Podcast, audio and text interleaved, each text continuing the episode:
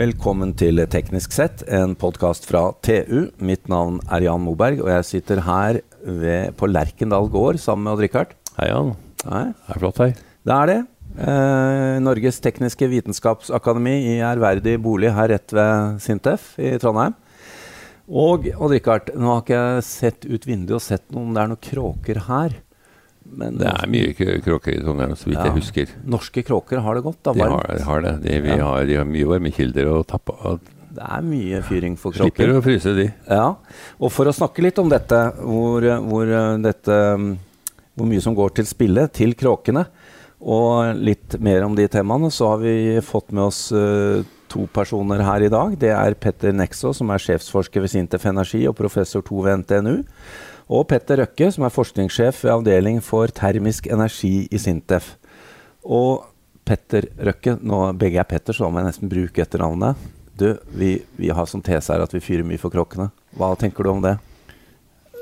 Norske kråker har det godt, sier du. Eh, det er et enormt eh, potensial for å utnytte overskuddsvarme, i vårt perspektiv. Da. Og litt av bakgrunnen til at hvorfor kråkene har det så godt, er at eh, norsk industri, eller det norske energiforbruket per år er på ca. 236 TWh. Og 20 TWh av de, ca. 10% går tapt i form av overskuddsvarme. Omtales som spillvarme gjerne fra myndighetene. Vi kaller det overskuddsvarme fordi det her er en ressurs.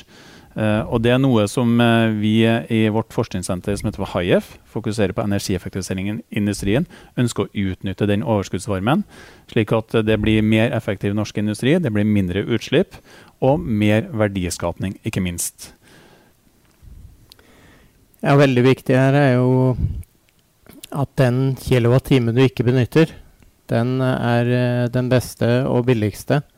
Ja. Eh, vi, I framtida nå så, så, er det klart at vi, vi, får mer og mer fornybar kraft. Men det koster både i forhold til eh, investeringer og miljø og alt mulig å bygge ut denne kraften. Så hvis vi kan eh, få til på en økonomisk og effektiv måte på å utnytte eh, de energiressursene vi har på en bedre måte, så er det ingenting som er bedre enn det. Men hvis dere ser inn i, inn i krystallkula deres og ser på de uh, eh, 20 pluss terawatt-timene, hva ser dere som potensial for å utnytte? da? Det får ikke brukt opp alle sammen, men hvor mye kan vi utnytte?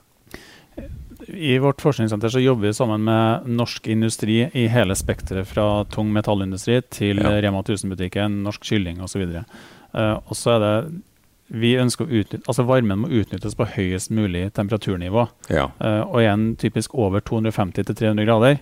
Uh, så kan man konvertere den til kraft på en relativt uh, effektiv måte.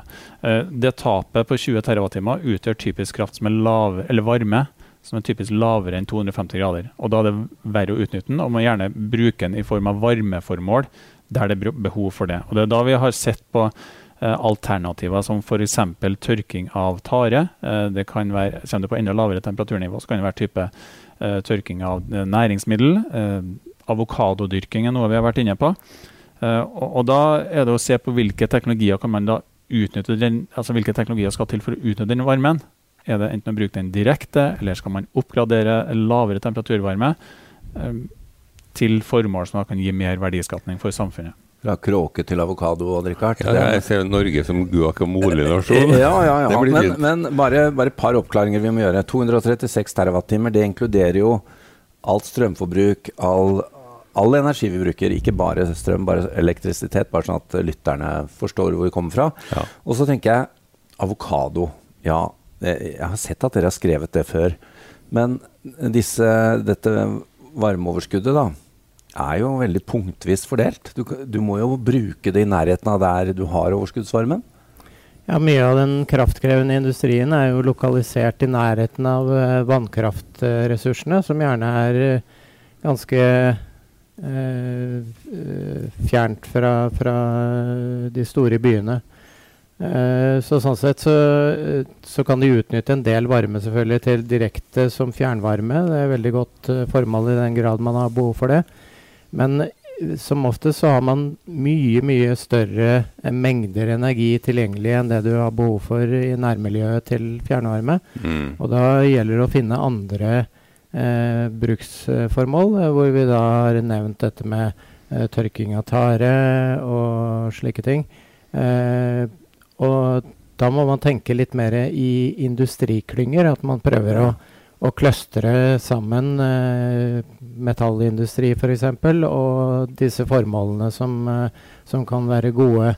Og hvor man kan utnytte de eh, fordelene man har i Norge. Man har jo eh, masse rent vann, man har eh, billig vannkraft. Man har eh, oftest tilgjengelig på, på sjøen hvor taredyrking kan skje f.eks som noen eksempler. Da. Så utnytter de fordelene vi har i Norge til økt verdiskapning basert på de energiressursene vi har. da. Ja, og, og, da er jo min kollega Petter Nekstad inne på det med framtids energisystem, som vil eh, bestå av en litt annen energimiks i dag. Altså Vi har jo vannkraften som en bærebjelke i Norge, som er rimelig og effektiv og, og med større innblanding av, av, fornybar kraft, som er variabel, så krever man mer dynamikk i energisystemet. Og, og med å kunne utnytte varme også bedre, altså det tapet på 10 der, så, så, vil man kunne frigjøre mer av den veldig verdifulle vannkrafta vi også har, til andre formål. Og, ja. og, vannkraft og elektrisitet er jo en veldig effektiv energibærer. Så det er ikke noe tap, altså veldig lite tap å transportere elektrisitet over lange distanser. Så det å frigjøre den ved å kunne utnytte mer varme lokalt der det er mindre næringsliv, utnytte den til å skape nytt næringsliv, er et enormt potensial for norsk verdiskapning. Ja, her har dere jo eh, litt sånn der eh, Columbi egg for industriutvikling på de stedene som i dag allerede har kraftkrevende industri. da. Ja, absolutt. Uh, men det skal jo være lønnsomme arbeidsplasser og lønnsom produksjon også, så det går går litt på uh, utfordring til gründere som har lyst til å starte ny produksjon. Og der har vi jo flere eksempler. Det ble jo nevnt i en kronikk for ikke så lenge siden at kanskje man kunne begynne oppdrett av scampi i Norge, som uh, uh, både belaster miljø og andre aspekter i andre land. Så hvis man kunne fått til det lønnsomt i Norge, så ville det vært et veldig flott produkt. Men noen må ta den utfordringa det er å, å starte slik business. Så Tar vi den over bordet, Odd Rikard? Norsk Scampi Avokado AS? ja, det har jeg sagt for det med avokadobonde. Altså, for det avokado er jo en formidabel belastning på vannressursene, vannressursene der den dyrkes. ikke sant? Det er, jo, det er jo egentlig en miljøkatastrofe som burde ha kosta mye mer. Det er sant. Et, et uh, et edelt tema, veldig viktig tema for våre lyttere og for, for oss også, er dette med virkningsgrad. Eh, og du var inne på det, Petter Nexo, om den kilowattimen du ikke benytter, er den beste. Det, her må jo virkningsgrad hva, hva tenker dere om det? Det må jo være essensielt. Startpunktet vårt når vi snakker om energieffektivisering i industrien, er jo selvfølgelig å se på kjerneprosessen og prøve å gjøre den mer effektiv. Sånn ja. at du får mindre tap og dermed mindre og, overskuddsvarme. Nettopp, ja. Men du vil alltid ha tap i form av uh, tapsvarme, som, som, da blir til overskuddsvarme som uh, må kunne utnyttes. Uh, men det henger jo også ganske tett sammen med CO2-utslipp. Ja. Altså, metallindustrien har jo blitt veldig effektiv med årene. De har gjort veldig mye. Eh, de har en utfordring i forhold til uh, eh, CO2-utslipp fra sine prosesser. Og én mulighet som vi kikker mye på i forskningssenteret HIF, som vi representerer delvis, uh, det er jo å se på resirkulering av gass, f.eks., som gjør at du kan få opp temperaturen, du kan få opp CO2-konsentrasjonen i avgassen, sånn at du lettere kan gjøre uh, karbonfangst og -lagring fra, fra industrien. Så dette henger jo sammen, så, og det henger sammen med veldig mange fagfelt også. Så et stort fokus er på kjerneprosessen og gjøre den mer effektiv. Ja.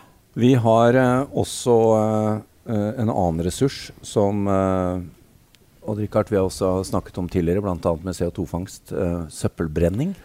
Det også er en ressurs som er litt sånn ikke helt jevnt fordelt over året.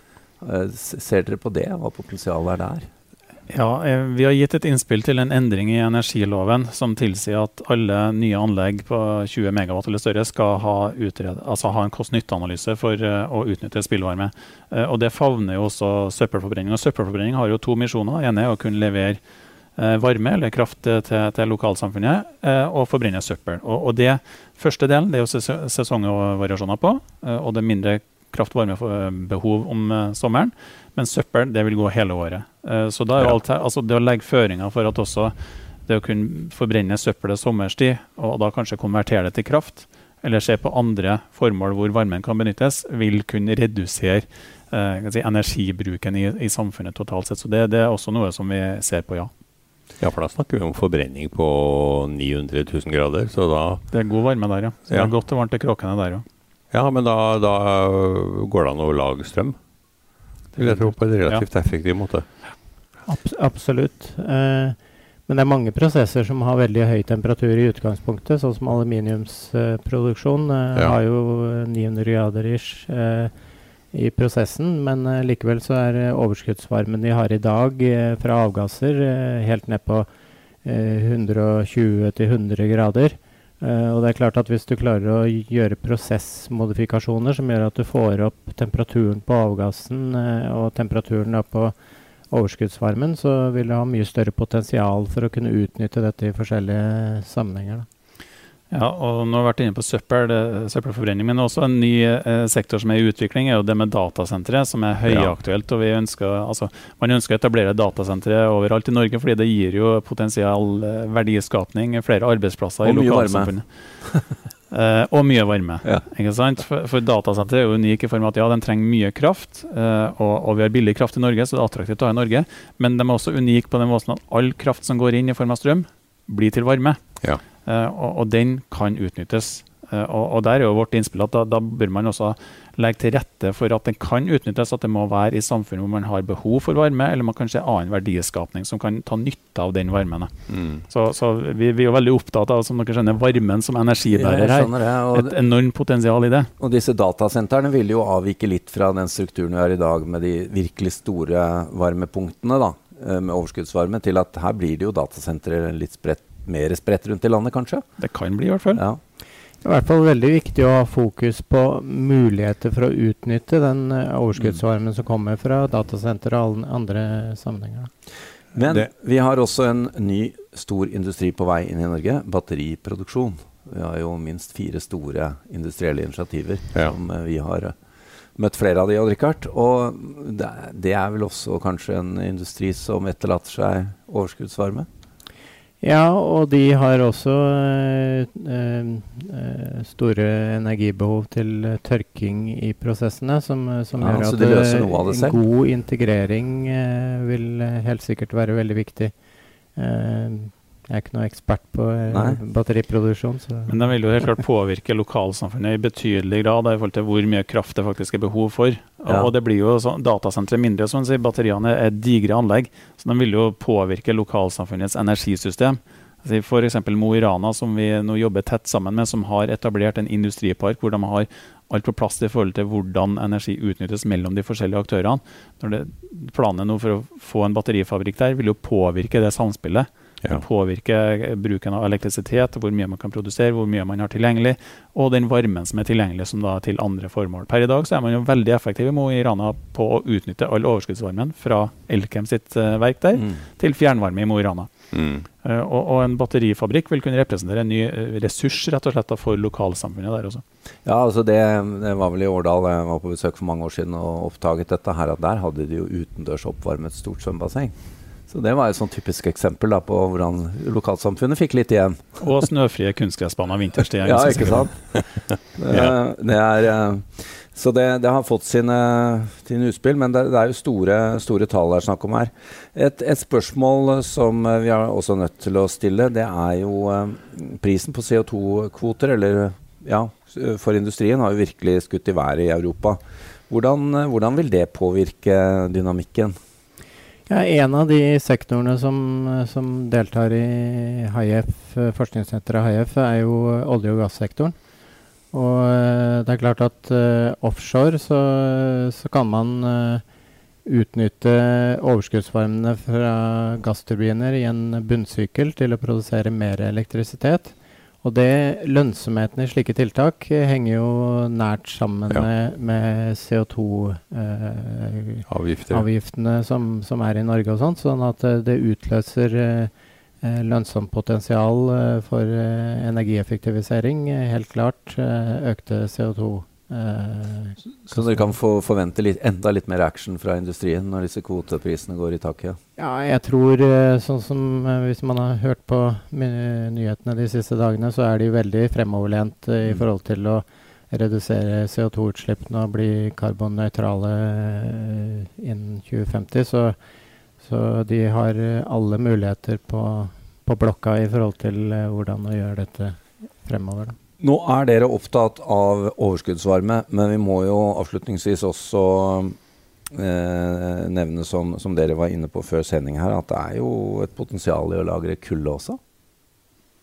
Ja, absolutt. Eh, Orkanger eh, er jo et eksempel der eh, hvor det skal lages en stor kyllingfabrikk nå.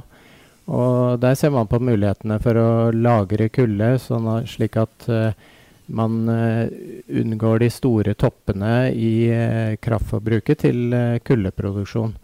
Så hvis man da kan produsere kulde jevnt, og så lagre i de periodene hvor man har mindre behov, og utnytte det når, når du har topper, så er det også en veldig viktig del av, av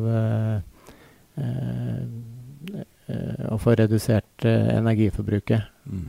Og lagring av kulde er jo én ting. Lagring av varme er jo også en, en uh, viktig mulighet uh, i forhold til å, å redusere svingningene når du får mer og mer fornybar kraft inn i energisystemet. Nå er det sikkert noen av lytterne som er nysgjerrig på det, dette varmelagrings... Hvordan, hvordan gjør man det?